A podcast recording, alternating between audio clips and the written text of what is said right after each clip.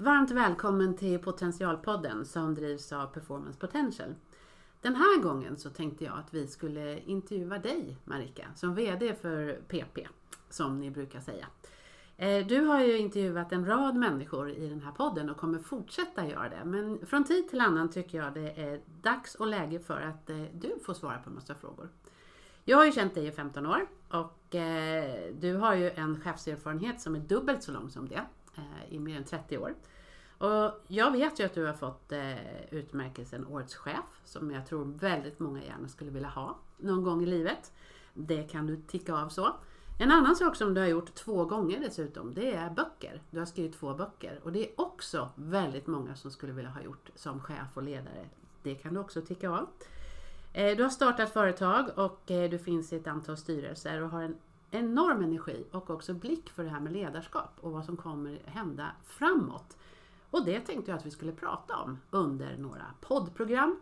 Och jag som intervjuar Marika heter Ella Lindgren och eh, till vardags arbetar jag numera som chef för försäljning och medlemsutveckling på LRF, Lantbrukarnas riksförbund, som eh, samlar eh, Sveriges företagare inom de gröna näringarna. Och utöver det så har jag snart lika många chefserfarenhetsår som Marika, 30. Och därför är jag också väldigt spänd på våra samtal för vi kommer att gå igenom ett antal olika teman och kluriga frågor för oss som chefer och ledare att reflektera kring. Så väl mött i våran podd! Hej Marika, hur är det med dig idag? Det är alldeles utmärkt med mig idag.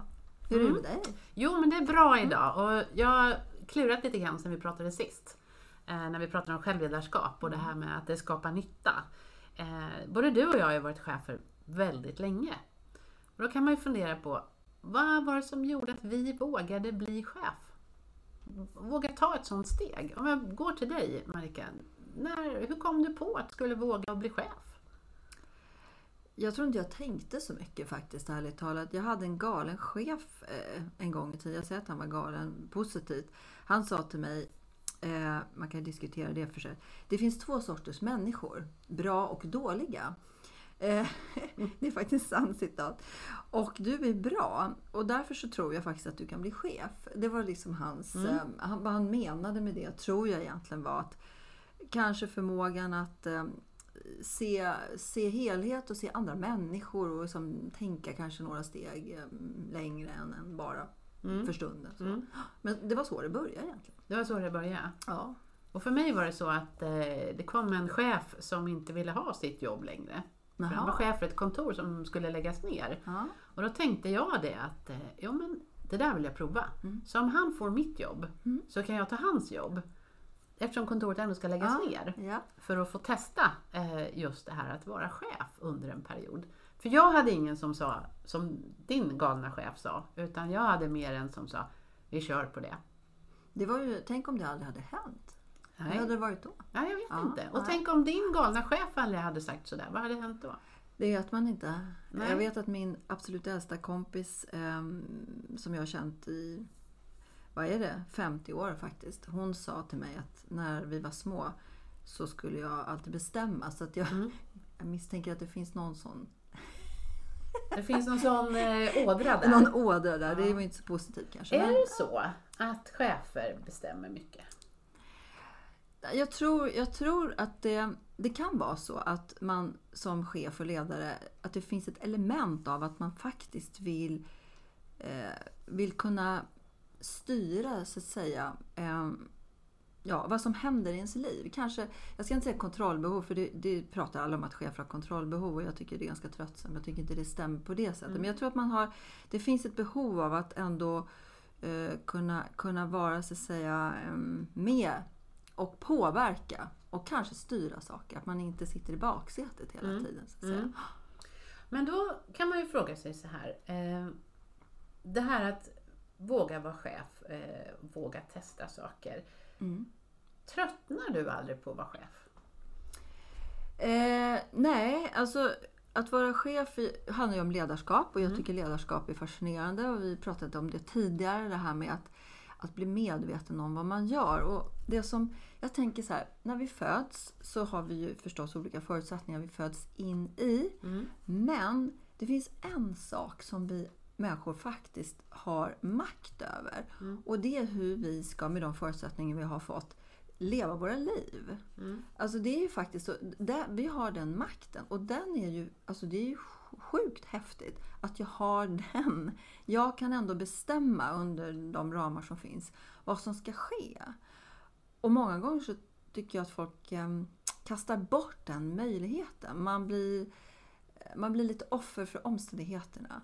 Och som ledare och chef så har man kanske större möjligheter i alla fall eh, att träna sig in i det här. Så jag har tyckt att det här med ledarskap och chefsjobbet rent egoistiskt har varit ett sätt att också få träna på eh, att möta sig själv. Mm. Mm. Men jag tänker också på performance potential som du jobbar med dagligdags. Så. Mm. Eh, ser du och möter du många där som du ser, åh, den där skulle bli en jättebra chef?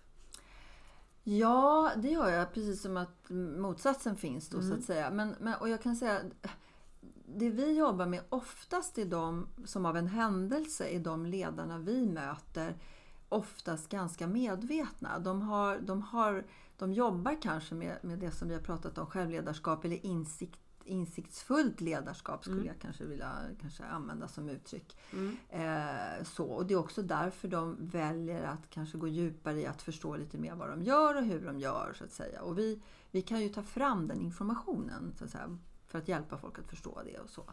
Eh, men men sen, sen är det väl så att självförtroende och kanske självkänsla eh, det, det, det kan vara det som hindrar människor från att våga eh, våga, våga så att säga, ta möjligheten. Och sen tror jag också att det kanske inte finns alltid så många, som min galna chef till Mm. exempel, Mm. eh, som sa äh, men fasen jag tror att du kan göra det här, Mm. gör det här. Mm. Eh, så att, att få också en liten liksom, knuff i ryggen för att våga testa på, så att säga, det tror jag är viktigt. Men Eh, då, då är det väl också så att vi som chefer, vi måste våga att göra det. Att se andra och just ge den där knuffen. Absolut. Hur tänker du kring det då? Tycker du att eh, chefer generellt är bra på det?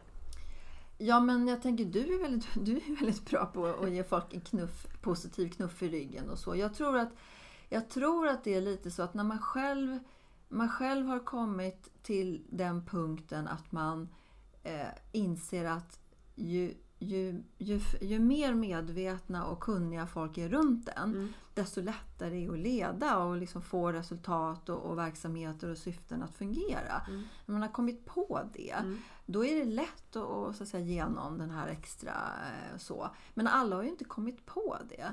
Eh, Jag tror att en del människor omedvetet eh, de blir ledare för att de kanske hörs och syns och märks och de är dominerande på olika sätt och vis. Och det här med att visa kraft och styrka och sådär. Det finns någon slags falsk trygghet i det. Och att man tror att det är det, även om vi pratar om att det inte är det och de flesta pratar om att ledarskap Mm. funkar inte så. Så är det ju så många ledare ser ut där ute. Eller Mm. där inne, hur man nu ser det. Mm. Så det är fortfarande så att man blir attraherad av de här beteendena som handlar kanske mer om eh, dominans och så. Och jag har i alla fall upptäckt att i krissituationer och så, då är det många gånger det här mera kan man säga, ohumanistiska, om jag får uttrycka mig så, Mm. ohumanistiska ledarskapet som, som man uppskattar för att man kan ta på det. Det är så att säga konkret på något sätt. Mm. Så det här att kombinera eh, man kan säga fakta och känsla i ledarskap tror Mm. jag är superviktigt. Jag har träffat jättemånga chefer själv under åren när jag har varit mentor och så för chefer som ganska stor empati, de har de bryr sig mycket, de ligger kanske sömnlösa på nätterna för att det inte funkar, de ska göra något, säga något, ha ett svårt samtal. Och det dränerar dem. Mm. Medan de som struntar i det där, de kör på liksom Mm. och, och fixar resultaten och sådär. Så att det finns en balans faktiskt mellan att vara fokuserad på resultat och det som kanske är lite hårdare saker, det som faktiskt har med mätbarhet och så. Men ändå få med sig det där andra. Mm. Och den kombinationen är rätt svår att få till. Ja, och då kan man ju säga det att, att Eller vad tänker du? ja, Ja. jag tror det. Ja. Å andra sidan så tror jag också att den som kan kombinera det här är den som eh, eh, skapar bäst resultat som är varaktiga över lång tid. Ja, jag är helt absolut. övertygad om det. Och då kan man ju säga så här att, att våga vara chef igen då. Det finns ju mycket så här våga vara chef. Eh, men att våga testa. Mm, Att testa saker. Hur, hur gör du när du testar någon ny idé, en ny tanke som chef? För du är ju chef. Vad gör du? Ja, alltså jag tror, jag, tror att, jag tror att man måste kanske, i botten måste man ju ha någon egen idé. Eh, och utmaning kan ju vara att man har den och är väldigt stark och sådär. Det märker jag själv ibland att jag får skärpa mig runt. Eh, så, så man måste ha en idé i botten för att man ska kunna bolla den mot någonting. Eh, och jag tror att om man Alltså man har, jag har haft en del såna här man kan säga, forum där, man, där alla samlas och man diskuterar. Och framförallt att man kanske jag jobbar mycket med projekt. Att man kommer överens om att okej, det här är de här fem grejerna i verksamheten som vi verkligen måste fixa till. Mm. De funkar inte. Liksom. Mm. Och alla vet ju det. Det är inte på så att säga. Eh, och istället för att jag gör allt jobb så delegerar jag ut och säger så ah, ni två, ni tar hand om det här och det här och det här. Och sen så driver man det som ett utvecklingsprojekt Mm. i en verksamhet där alla har sin del och sen samverkar man för att, så att säga, hitta, hitta plattformen. Och det, är, det funkar superbra. Och människor som, ja den där kommer väl inte klara av det där och sådär. Det är inte så. Eh, på något sätt så blir ett plus ett tre i det här och folk börjar liksom utveckla saker ru- runt eh, frågor och, och kommer fram med saker som jag skulle aldrig i, i liksom himmelen ha kommit på detta. Never. Har du någon sån där eh, exempel, något tillfälle när du kände så här yes, då blev det precis så som du berättade nu? Ja, jag, alltså jag, jag hade ett vd-jobb för många år sedan som i, i, i verksamhet som var, jag ska säga den kulturen, eh, kulturen var väldigt, eh, alltså det fanns någon slags blaming. Jag, jag, jag, jag, det här management by fear och så, det vet eh, mycket man, men management by blaming. Mm. Där det fanns någonting som att så fort man gjorde någonting som var fel så, så togs det upp och sådär. Och det här var ju liksom prematurtest om jag säger så för min del. Det här var liksom innan. Det här var egentligen det här var egentligen strax i samband med att jag blev årets chef. Så Mm. jag testkörde det. Jag brukar, jag brukar liksom använda, experimentera kan man Mm. säga i mina verksamheter. Eh, utan att det blir något eh, haveri av det hoppas jag. Men då, då, då var det ju som vanligt, man sätter mål, man, man sätter eh, sina aktiviteter och så börjar folk jobba. Och sen blir det inte som man har tänkt sig därför att folk tolkar in det här. Och då började jag tänka, vad är det egentligen i det här som, som gör att folk gör som de gör? Då kom det här tillbaka då. Och genom att faktiskt ta reda på det och börja, vi började träna. Vi hade faktiskt, jag hade en HR-chef då som var fantastisk Mm. på det här. Vi började så att säga, de som gjorde bra jobb, där det funkar med kunderna och så vidare, lyckosamt och så. Då fick de andra lyssna på vad de gjorde och så fick de implementera det i sin grej. Och jag har ett, ett superexempel där där eh, man pratar ju ofta om pengar, vi ska bli störst och vi ska, bli, vi ska tjäna pengar och vi ska bli störst i Nord och man Mm. håller på. Och, och, och de flesta tycker så här, "Ja, vad betyder det för mig då? Mm. I'm not in that. Och då var, det, då var det så att vi tjänade dåligt med pengar och vi behövde verkligen titta på olika sätt att göra det här på. Och då kommer jag ihåg att jag, vi hade pratat mycket om det här. Och sen så var jag runt där. Jag brukar alltid, det här var ganska många medarbetare så jag brukade alltid ta en liten så att säga, runda varje fredag när jag Mm. snackar med alla. För det som skulle hinna med det helt enkelt. Plus att höra vad som hände och sådär. Och då kommer jag ihåg att jag kom till ett team där och så sa jag så här, hur är det här då?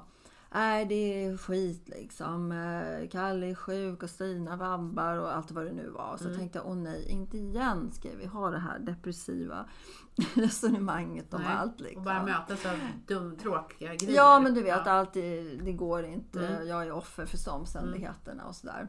Och vi har så mycket att göra. Ha- Jaha, säger jag. Men vet du, som är bra med det, säger den här personen. Nej, och det, det här var de, de som kan man säga våra bästa Mm. kund, eh, kundtjänstpersoner. Då. Nej, vet vad som är bra med det här? Eh, nej, så jag, det vet jag inte. Ja, jag tror faktiskt vi tjänar pengar. Jaha, så jag. Varför det? Mm. Jo, för vi har ju förstått nu att om kunden är nöjd eh, då betalar de. Och förut så har vi ju liksom bara gett bort allting. Mm. Så det var en sån här grej att om du ger bort din service Mm. gratis då uppskattar inte kunden ditt värde. Mm. Så om du vill verkligen testa kunden i att de uppskattar ditt värde, då måste du ju visa dem att det här du gör är värt någonting. Mm. Så det var en sån här, koppla ihop så att säga, mitt eget värde med ekonomi. Ja. Och det blev att du kunde våga testa saker som högsta Ja, där. Ja, Mm. precis. Mm. Men det var ju ett experiment i positiv bemärkelse. Jag kan tänka så här när man pratar om att våga vara chef. Det handlar kanske inte så mycket om att våga vara chef utan våga prova saker. Ja, det har du faktiskt rätt. Jag har inte tänkt så. Eh, att, att det, och det kanske beror på att jag är en prövar grejer. Mm. Liksom. Det har jag väl gjort hela mitt liv. Mm. Så det har du helt rätt i. Att våga pröva. Men framförallt kanske nu när du säger som du gör. Att våga lita på Mm. att andra eh, har förmågan att klara av mycket mer. Mm. Så att säga. Mm. För jag tror att många kanske tänker så här, "Ah, hur ska det gå? Ja, jag känner ju Kalle och han och Stina och så. Mm. Och jag har varit med om så många gånger i min karriär. Till exempel man kommer in som ny chef i, en verksamhet och så har man massa förutfattade meningar Mm. om olika personer. Eh, och sen när man så börjar prata med de här människorna eh, om deras drömmar och vad Mm. de vill och sådana saker. Då visar det sig som att det finns någonting annat. Som människor kanske har jobbat 20, ibland faktiskt 30 år i vissa verksamheter har varit. Aldrig, ingen har liksom lyssnat på de här Mm. personerna. Och det innebär ju att du i princip mördar potential. Mm. Och, då kommer vi tillbaka till det här med Det potential. måste du också ha varit med om. Så det här Absolut. att man som på något sätt eh, inte... Jag vet inte vad man gör men man... Nej, men jag, Ja. jag tänker så här som ny chef när man kommer till ett ställe eh, där Ja. man inte har jobbat tidigare. Mm, Att lyssna på de man ska jobba tillsammans med absolut. som ett första steg Ja. eh, är otroligt viktigt. Och jag har alltid sagt det att eh, alla får bevisa sig själva. Mm, Istället för att lyssna för mycket på den är sån och den är sån och tänk på det och så. Utan jag försöker träffa alla. Och då får de ge sin Precis. bild och berätta om sina erfarenheter. Jag håller precis helt och hållet med dig. Men det i sig kräver ju ett mod. Att man vågar det. Ja, och jag funderar på nu när du säger som du gör också. Jag håller med dig helt. Jag, jag har ju alltid gjort så. Jag har inte tänkt Mm. på det. Apropå om glömma bort sina processer och vad man Mm. gör. så att Mm. säga. Bli påminn om det igen, Mm. så tack för det. Men, men, eh, för det är ju en metod som jag har använt. Jag Mm. gör alltid det. Intervjuar alltid alla personer. Mm. Jag ställer helt andra frågor och Mm. sådär om vad de vill och varför och vad som funkar och inte. Vad skulle de ha gjort om de hade varit chef till Mm. exempel och så.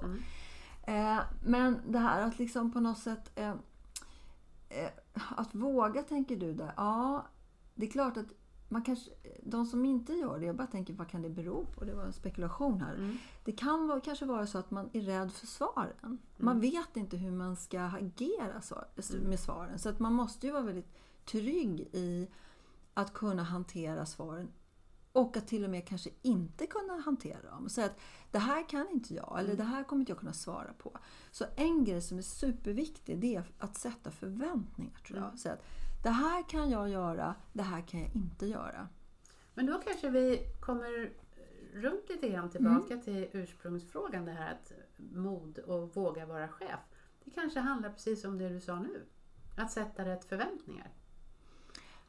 Ja, absolut. Jag menar, jag, jag tänk, kommer tänka på det ibland då när jag är ute och pratar lite om ledarskap och så folk lånar in mig för det.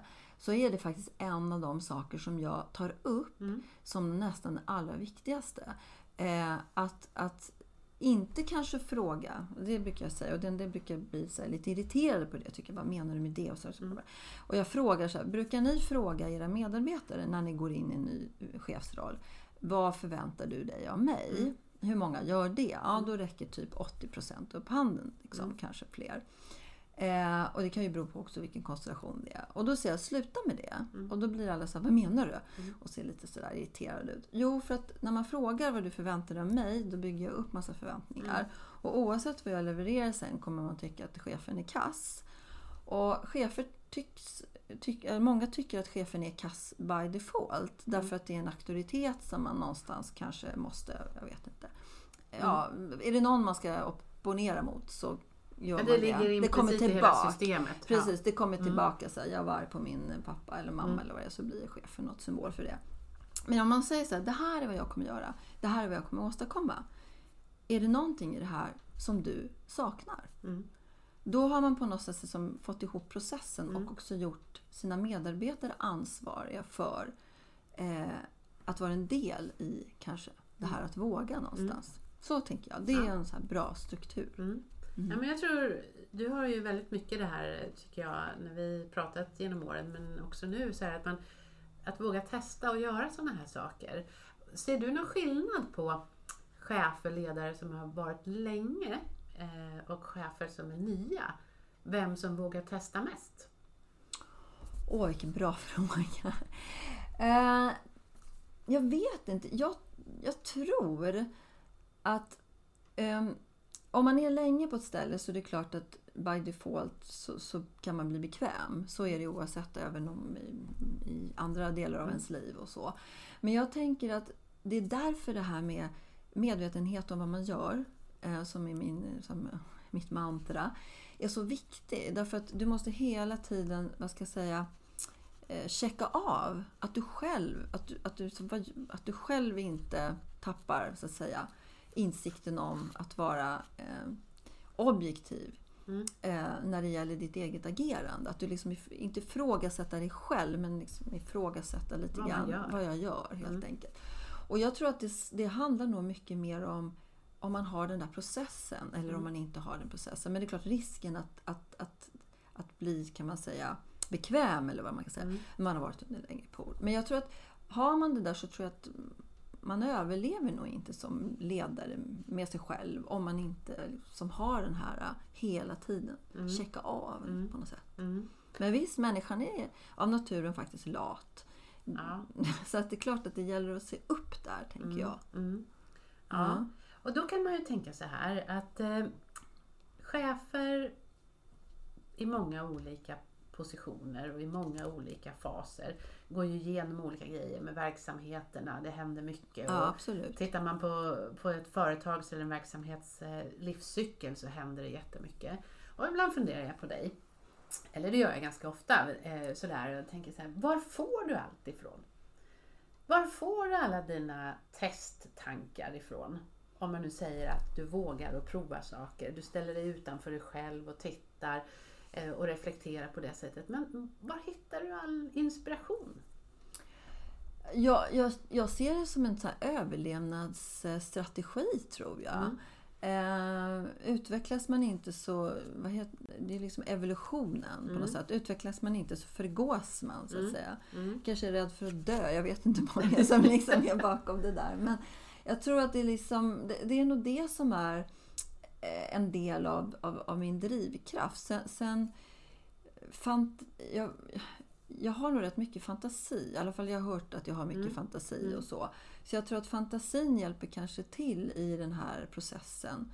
Halva min hjärna är, är har, har, har ju jobbat med eh, mer kreativa grejer. Jag har ju skrivit musik och Mm. sådana grejer. Det är många som inte vet om det. Mm. Och sen den andra halvan är ganska rationell. Så Mm. jag tror att jag är någon slags eh, mischmasch av liksom rationellt och Men det var lite kreativt sa förut, tänkande. att Ja. få ihop båda Ja, delarna. men det, är Mm. lite, jag är, det, det är lite så. Mm. Varför det är så, det vet jag inte. Jag brukar säga att eh, jag hade väl en, en del av, av min uppfostran som var väldigt rationell och en annan som var liksom inte alls så utan mera kreativ. Men då tänker jag så här Marika, Mm.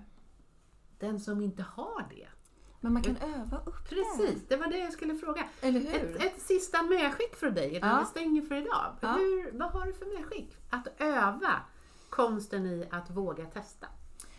Jag tänker så här att först och främst så, ehm, så kanske det är så att man skulle bli lite medveten om den rationella kontra den liksom mer, kan man säga, kreativa sidan hos sig själv. Mm. Vilken sida skulle jag behöva öva mer på?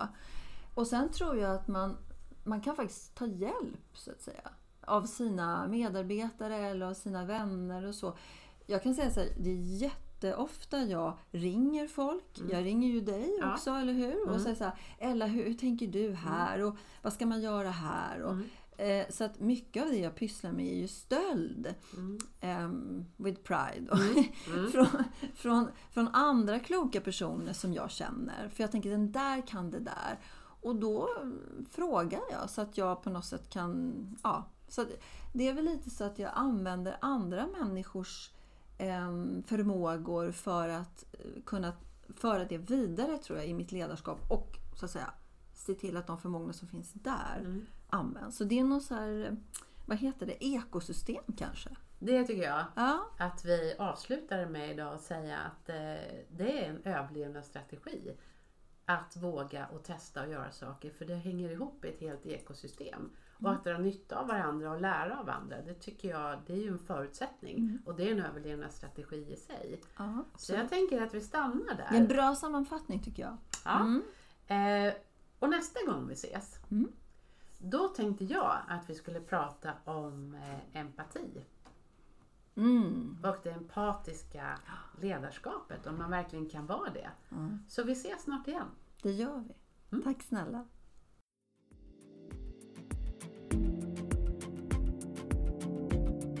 I idrottsvärlden känner varje individ till sin process för prestation och leverans ganska väl. Men i näringsliv och organisationer är det ofta en otränad och kanske omedveten kunskap. Performance Potentials digitala verktyg, som vi kallar för preferensanalys, används just för att ta fram teams och organisationers sätt att leverera. Och sen matchar vi det med kundernas krav på agerande. Genom den här metoden får både individer och organisationer en möjlighet att nå sina mål och få bästa utfall av sina planer. Därför att man på förhand faktiskt kan förutse hur människor kommer att agera. Så hör gärna av dig så kan vi berätta mer om hur det går till.